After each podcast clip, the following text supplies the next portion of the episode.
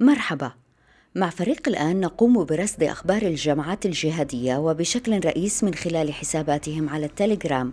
نرصد الأخبار ونحاول أن نضعها في إطارها. ماذا تعني اليوم؟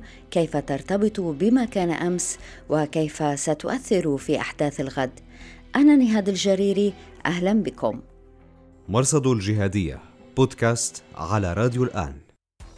أهلا بكم إلى حلقة هذا الأسبوع من مرصد الجهادية. نغطي فيها الفترة من 13 إلى 19 يونيو 2021 أنا نهاد الجريري إلى العناوين. مزمجر الشام يقول القاعدة تخطط لاغتيال الجولاني. القاعدة في اليمن باتت تخسر معناها بحسب توصيف الخبيرة إليزابيث كاندل. وقائد جدلي موال لشيكاو يؤكد قتله ويتوعد. ضيف الأسبوع الدكتور حمدي مراد المفكر الإسلامي يحدثنا عن أصول البيعة بعد أن أعلنت طالبان أن لا بيع مع القاعدة. الدكتور مراد كان أمين عام الجامعة الإسلامية العالمية في بيشاور. إبان انطلاق مرحلة المجاهدين العرب الأفغان. كان قريبا من عبد الله عزام. كان مع عزام يوم قتل. والزرقاوي كان حارسه الشخصي. الدكتور مراد يتحدث من موقع العارف والقريب. وبإمكانكم الرجوع إلى نص هذه الحلقة في أخبار الآن دوت نت وفيها ثلاثة أخبار لم يتسنى لنا الوقت لإدراجها. هيئة تحرير الشام تغازل المهاجرين في إدلب روسيا وفيتو معبر باب الهوى وسنوية اغتيال أبي القسام الأردني خالد العاروري مرصد الجهادية بودكاست على راديو الآن. حلقة هذا الأسبوع مليئة بالإشكالات والغموض. في سوريا تتسع الهوة بين القاعدة المركزية والقواعد. لدينا تناحر دراماتيكي ساخر بين أنصار حراس الدين هناك. أنصار ينتصرون لعناصر رفضتهم قيادة الحراس ثم يتنمرون على من ينتقد هذه القيادة ويبحث عن مخرج. هذا المخرج يبدو كباب من رواية أليس في بلاد العجائب. هو ليس هو. لا يعرف الأنصار ما تريده القيادة. مثلا تفاصيل أرشيفية عن أن نظرة قيادة الحراس لتركيا لا تختلف حقيقة عن نظرة الجولاني لتركيا وأخرى عن أن قيادة القاعدة تريد أن تقاتل الجولاني وحده من دون حاشيته. لنبدأ. إذا نفت حسابات قاعدية وازنة مثل الزبيدي ورد عدوان البغاة أي صلة بين حراس الدين القاعدة وما يسمى سرية أبي جليبيب الأردني أو حساب ابن القاعدة الذي روج لها خلال الأسبوعين الماضيين. السرية التي ظهرت يومين أو ثلاثة تقريبا بدءا من تاريخ 6 يونيو قالت إن المهمة هي قتال هيئة تحرير الشام باسم قاعديين نبذتهم قيادة حراس الدين بسبب رفضهم التعامل مع الجولاني إبان ميمعة فك الارتباط وما تلاها من 2016 إلى 2018 من أمثال أبي ذر المصري وأبي يحيى الجزائري. الجديد هو أن حساب سرية أبي جليبيب ظهر مؤقتا لينشر ما قال إنه كشف المستور مجددا انتقاد قيادة حراس الدين العريدي وأبي همام الشامي وغيرهم الذين أجلسهم الجولاني ببيوتهم واستولى على مقراتهم. وزعم حساب سرية أن عبد الله الشامي صاحب الحساب الوازن رد عدوان البغاة أنكر عليهم كيف تسمحون لابن القاعدة أن ينشر وليس نحن. ابن القاعدة توعد بالرد على الحملة التي شنت عليه وأصر على أن فرع القاعدة في الشام حراس الدين هو الأضعف بين أفرع القاعدة والأكثر فشلاً. بعد أن توقف أشهر يعود حساب مزمجر الشام الشهير بالتغريد الحساب كما يعرف عن نفسه هو صوت شامي من التيار الجهادي ويتخصص في كشف كواليس الجهاديين لفت هذا الأسبوع نشره سلسلة أرشيفية ذات علاقة بحراس الدين وتحديدا بسمير حجازي أو الفاروق السوري أو أبو همام الشامي. في هذا المحتوى الأرشيفي تفاصيل لافتة تفيد في فهم ماضي ومستقبل القاعدة في الشام. وكنا أرسلنا أسئلة إلى بريد مزمجر الشام على تويتر وأجابنا بما يوضح هذه الأبعاد وسنعرج عليها لاحقا. إذا يقول مزمجر الشام إن أبا همام لم يكن من مؤسسي جبهة النصرة بل انضم إليهم بعد عام من تشكيلهم. لكنه اكتسب قوة داخل المجموعة بفضل خلية خراسان التي ضمت قاعديين عتاولة جاءوا إلى الشام من أفغانستان في العام 2013 هم عينوه قائدا عسكريا للنصرة ضد رغبة الجولاني الذي أراد أن يحيط نفسه برفاقه من التجربة العراقية. بحسب مزمجر ظهرت في هذه الفترة الخلافات بين أبي همام والجولاني أولا بخصوص التعامل مع البغدادي وداعش أبو همام كان متشددا وأراد القضاء على البغدادي قضاء حاسما لكن الجولاني كان مترددا. وثانيا الخلاف على الصلاحيات واختيار نائب الجولاني. وهكذا ولد حلف معارض للجولاني في جبهة النصرة ضم خلية خراسان وأعضاء في مجلس شورى القاعدة العالمي وأفراد مثل أبي عمر سراقب وأبي فراس السوري. يتابع مزمجر. حاول هذا الحلف الإطاحة بالجولاني عبر مراسلات مع سيف العدل في إيران لكن الجولاني علم بالأمر وهنا بدأت الاغتيالات والاعتقالات تطال المعارضين. أبو همام تعرض لمحاولتي اغتيال وقتها. في 2016 مع إعلان الجولاني فك الارتباط انشق أبو همام عن الجولاني ولم يكن في نيته إنشاء فرع جديد للقاعدة. هكذا يقول مزمجر.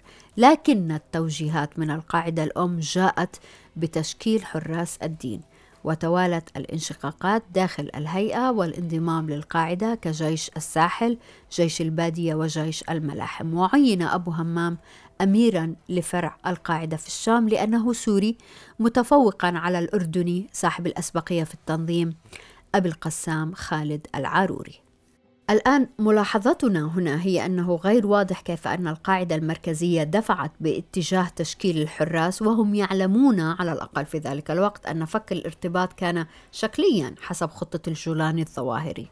وغير واضح لنا كيف أن أبا همام الذي لم يتفق مع الجولاني قط عمل معه في غرفة عمليات الفتح المبين وهو الأمر الذي رفضه آخرون مثل أبي ذر المصري وأبي يحيى الجزائري وحتى إنهم طالبوا بمحاكمة العريدي وأبي همام. هذه تظل علامات استفهام. تفصيل آخر لافت في سرد آه، مزمجر الشام هو أن أبا همام كان يرى في تركيا رئة للثورة السورية ويرفض بشكل قاطع الصدام معها. مرصد الجهادية. هذا ما لا يدركه أنصار القاعدة. يقول مزمجر في إجابة أحد الأسئلة التي أرسلناها إليه أن قيادة حراس الدين لا يريدون الدخول في أي صراع مع الأتراك أو الاحتكاك معهم وليس عندهم مشكلة في فتح تواصل معهم. وهنا تتسع الهوة بين القيادة والأنصار المغيبين الذين لا يفهمون هذه السياسة فيتوجهون بخطاب حماسي فارغ ضد تركيا لا يتوافق مع وجهة نظر قيادتهم أي الحراس.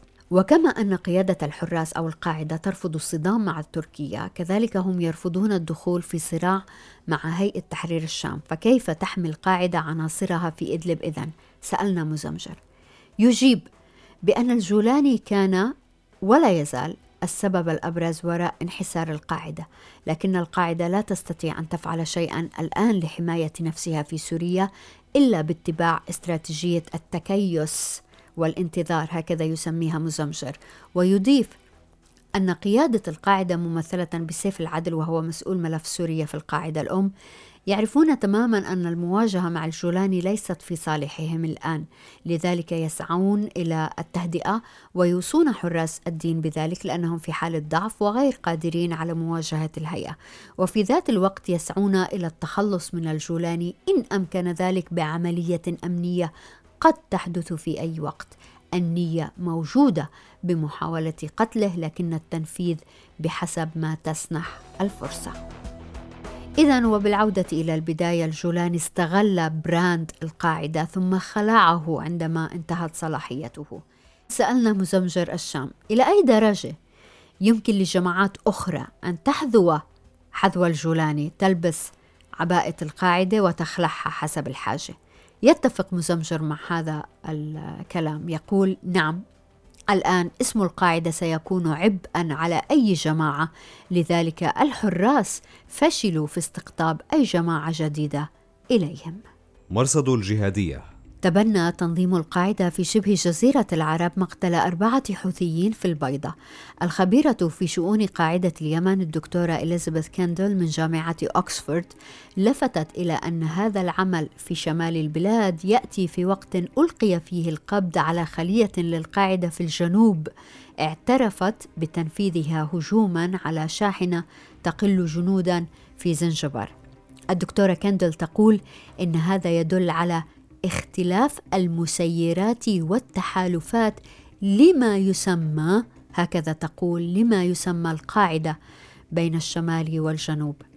تعتبر الدكتورة كندل أن القاعدة في شبه جزيرة العرب باتت تخسر معناها فلم تعد هي هي بل هي ستة. ثمة القاعد المزيف المرتزق. ثمة القاعد السابق الذي لم تعد لديه الرغبة في الجهاد. ثالثا القاعدي العملي المتكيف مع الظروف وإن لم يعد للعقيدة الجهادية وزن عنده. رابعا القاعد الملتزم الذي يقاتل تحت راية جديدة متسترا على نزعاته الجهادية في انتظار الوقت المناسب. خامسا القاعد النشط الذي يعمل كما كان وتعترف به مؤسسة الملاحم وإن كان يشكل تحالفات مع أطراف أخرى في الصراع. وسادسا وأخيرا القاعدي المشتبه وهو من يعتقد خطا أنه قاعدي بسبب انتماءات عائلية أو عشائرية أو حتى صداقات ولكنه في الحقيقة لا ينتمي إلى القاعدة لا من قريب ولا من بعيد هذه هي قاعدة اليمن بشهادة أكاديميا كبت على دراسة هذا التنظيم دراسة علمية حثيثة. الدكتورة كندل تتحدث العربية بطلاقة وهي متخصصة في الشعر الجهادي. أما بعد يا أسود جماعة أهل السنة للدعوة والجهاد امتطوا جوادكم شاهرين سيوفكم واصلين جهادكم. نشر موقع Eons Intelligence النيجيري تسجيلا مرئيا مدته دقيقتان يتحدث فيه رجل أشير إليه باسم مالام باكورا. قالوا إنه الآن الزعيم الجديد لجماعة أهل السنة للدعوة والجهاد بوكو حرام خلفا لأبي بكر شكاو الذي قتله داعش غرب إفريقيا في منتصف مايو الماضي. باكورا تحدث بالعربية الفصحى وأكد قتل الإمام وهو اللقب الذي يعرف به شيكاغو ليعلموا أن الإمام رحمه الله تعالى في التسجيل يدعو باكورا أنصاره إلى الثبات في وجه أبي مصعب البرناوي. هذا الغوي الضال لأن لا نراه وأبيه إلا كنوح وابنه. ورد اسم باكورا في أبحاث من المنطقة خلال العامين الماضيين. قيل في إحداها إنه انشق عن داعش غرب إفريقيا وقيل في أخرى إنه قتل في حملة عسكرية في مارس 2020 وقيل إنه هو الذي قاد الهجوم الذي قتل فيه مئة جندي تشادي في ذلك الشهر متسببا في حملة عسكرية قادها وقتها الرئيس إدريس دبي نفسه فيما عرف بغضب بوما. بكل الأحوال هذا الاسم وهذا الرجل الذي ينحدر من أصول نيجيرية صاحب العربية الطليقة والحنكة العسكرية على ما يبدو هل يعني هذا اياما صعبة أمام داعش غرب إفريقيا؟ ربما. مرصد الجهادية إذا نرحب بالدكتور حمدي مراد المفكر الإسلامي يحدثنا عن أصول البيعة بعد أن أعلنت طالبان أن لا بيعة مع القاعدة. ونذكر طبعا أن الدكتور مراد كان أمين عام الجامعة الإسلامية العالمية في بيشاور إبان انطلاق مرحلة المجاهدين العرب الأفغان. كان قريب من عبد الله عزام وكان معه يوم قتل عزام. آه، الزرقاوي كان حارسه الشخصي. فالدكتور مراد يتحدث من موقع العارف والقريب. دكتور مراد شكرا جزيلا لوجودك معنا أهلا وسهلا بكم دكتور في مايو قال سهيل شاهين المتحدث باسم طالبان إنه لا توجد بيعة بين طالبان والقاعدة، نريد أن نسأل حضرتك فقهيا ماذا تعني البيعة؟ ماذا تعني بالنسبة للمبايع والمبايع؟ بسم الله الرحمن الرحيم والصلاة والسلام على خاتم الأنبياء والمرسلين حبيبنا وأسوتنا وقدوتنا محمد وعلى آله وصحبه أجمعين. وبعد آه، الحقيقة موضوع البيعه في فقهها الإسلامي هي الالتزام بما يتعاهد عليه في أي أمر. وفي الدين الإسلامي عرفت البيعه في عهد النبي صلى الله عليه وسلم وهو حينما يسلم المسلم يصبح تبعا لهذا الدين كما جاء به الله تعالى في قرآنه الكريم وفي هدي رسوله العظيم رضي الله صلى الله عليه وسلم. ومعنى البيعه الالتزام وليس مجرد الإسلام آه، وتبعيته بمزاج وهوى يقبل قبول جزء ورد جزء قبول موقف ورد موقف. وإنما هو التعامل مع واقع الإسلام بحقيقته الكلية ومتابعة جزئياته في الحياة وأحداثها بما يتناسب مع هذا الدين وما أجمع عليه آه، السلف في عهد رسول الله صلى الله عليه وسلم الصحابة التابعين والأئمة الأعلام. وهنا أؤكد على قضية الأئمة الأعلام لأن الأئمة جمعوا آراء فقه الأمة فقه الصحابة يعني اولا القرآن السنة فقه الصحابة فقه التابعين. والتابعون مباشرة كانوا تبعا كان الأئمة تبعا لهم. فالإمام أبو حنيفة متوفى وفاته 150 هجرية ولقي من التابعين ما لقي. اذا دكتور البيعة لا تجزأ لا تورث إذا مات خليفة وجاء خليفة. جاء كيف جاء الخليفة؟ ما هذه مسألة أخرى. يعني نحن عندما نقول كيف تتم البيعة؟ تتم البيعة من أهل الحل والعقد في الأمة في الأمة. يعني مش في الأردن ولا في العراق ولا في مصر ولا في سوريا. هذا إطار جزئي في الأمة. لو توافقوا بارك الله فيهم اجتهدوا أخطأوا وأصابوا لكن لا يعني هذا إلزام الأمة فيه وبه. كيف يلزمون الأمة؟ وعندهم ربما علماء أكبر منهم وأعلم منهم في مناطق إسلامية أخرى. كيف يتبعون سايكس بيكو في مسألة البيعة بيعة أهل العراق بيعة أهل الشام بيعة أهل الأردن بيعة أهل فلسطين هذه مشكلة كبيرة. نقلنا الفقه الإسلامي إلى سايكس بيكو وتجزئاته. نحن علماء الأمة. إذا وجد عالم في سيبيريا أعلم مني يجب أن أتبعه. أو أسمع له أو أستفيد منه أو أتتلمذ على يديه فأين الأمة وأن هذه أمتكم أمة واحدة فالبيعة صارت جزئية الآن وهذه لا تعد بيعة مفروضة على المسلمين دكتور مراد في حال القاعدة وطالبان منذ تولى أخنزادة إمارة طالبان القاعدة بايعته آه، لكن طالبان لم تعلن قبول البيعة الآن يقولون لا بيعة ماذا يعني هذا؟ هل رفضوا البيعة؟ هل القاعدة حل من البيعة؟ يعني أنا أعتقد الموضوع متفرع وشائك ودخلت فيه قضايا عديدة لا تعد من صلب الشريعة الإسلامية ولا من أركانها ولا من آه، واجباتها في هذا التفريع. في الأصل البيعة واجبة بس لمن؟ وأين؟ يعني أنت هل يجوز أن تعلن مثلا نأتي في الأردن فيعلن بيعة لعالم من العلماء طيب هي إحنا مثلا أعلنا بيعة هل نطالب العلماء القاعدة ولا علماء آه، داعش ولا غيرهم آه، نطالبهم ببيعة هذا الذي بويع في الأردن؟ هذه قضية كبيرة. أين أهل الحل والعقد في الأمة؟ أولا هذا سؤال. سواء من الأردن من سوريا من مصر من العراق من باكستان من أفغانستان من آه، في بريطانيا في أمريكا في علماء مسلمين موجودون في هذا العالم.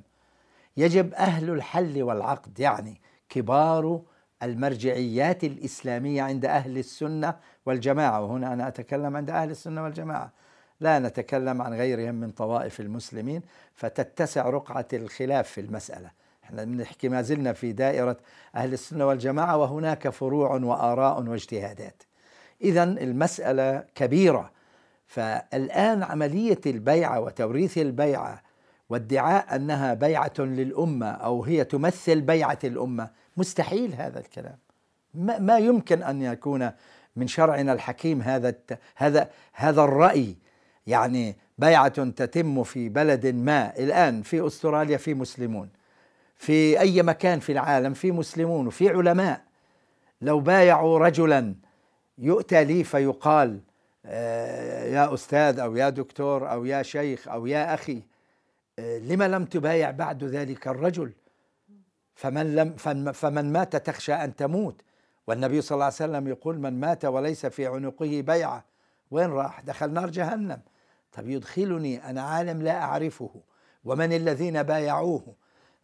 هل هم من أهل الحل والعقد الذين يرتكن إلى تبعيتهم في العلم الشرعي والفقه الشرعي والسياسة الشرعية أم من هم؟ حتى لو حتى لو كانوا من العلماء. نحن نتكلم عن أهل الحل والعقد في الأمة وليس في فئة من الأمة. هذه بيعة جزئية توافق عليها بعض الناس. مثلا يقول صلى الله عليه وسلم إذا خرجتم في ثلاثة فلتؤمروا أحدكم. مثلا روايات عديدة في هذا الموضوع إنه لازم يكون في ترتيب. هذا ترتيب. طب صار أميرا طب رجعوا من سفرهم. يقول لهم أنا لسه أمير. ممنوع تشتغل اليوم. تعال في عنا اجتماع. ممنوع كذا. هذا الكلام لا يصح. هذه فوضى وليست بيعة حينئذ. ولذلك هذا التداخل في البيعة أكان بين القاعدة أو بين طالبان أو عند داعش. هذه مجموعات آه، تعمل برأي وفكر وفهم إسلامي تجتهد. أصابت أخطأت في جزء نقول أصابت في جزء نقول أخطأت في جزء نقول خرجت في جزء نقول آه، يعني مقبول هذا الرأي. إذا هناك هناك موجود خليط من الآراء التي يقبل بعضها ويرد بعضها وبعضها خطير جدا أن يقبل وبعضها خطير جدا أن يرد. إذا لا يعول على هذا هذا خلاصته. إذا هذه الفوضوية لا يعول عليها. لا يوجد لها أصول وفروع أتكئ عليها. أنا مثلا صاحب علم سواء علمي عشرة بالمئة خمسة بالمئة خمسين بالمئة أيا كان هذا العلم. يعني أريد أن أفهم ما هي القواعد والأصول والفروع التي التزمتم بها بالبيعة هنا أو هناك. دكتور مراد أنصار القاعدة بيحكوا أنه كلام شاهين يحتمل الخدعة في الحرب والكذب في الحرب وهو أمر مشروع يعتقدون أنه لا يزالون يبايعون طالبان وأنه أخنزادة هو أمير المؤمنين ماذا تقول عندما تسمع هذا الكلام أنه خدعة حرب؟ متى وكيف؟ سؤال الخدعة في الحرب نعم موجودة مع من؟ مع العدو من هو العدو؟ هو غير المسلم المقاتل للمسلم للمسلمين هو الذي ينقض عهده مع الإسلام كله. يعني بمعنى الذي يرى أن الإسلام والمسلمين يجب أن ينتهوا يجب أن يبادوا.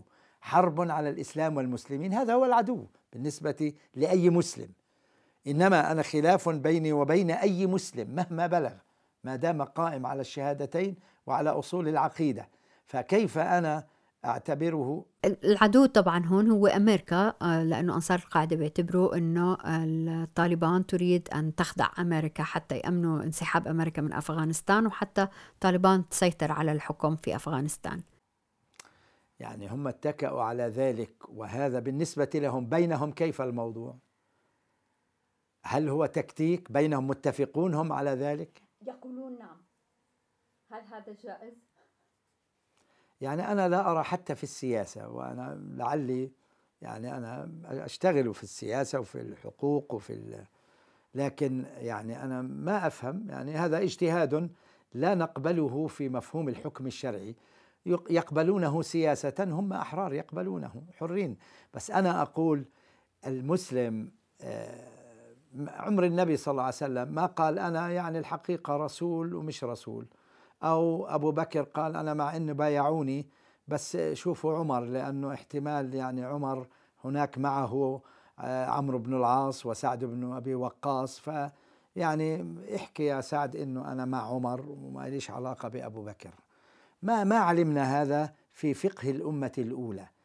أنا أرى أن هناك تخبط سياسي وعكس فقهيا.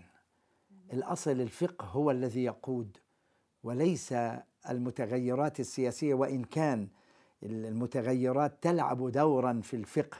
بس أنتم يعني المشكلة أين؟ أنتم تمثلون حسب رأيهم تمثلون رأس الحربة للأمة تمثلون هكذا أنتم ترون أنفسكم أنكم أنتم الأمة ومن يمثل الأمة.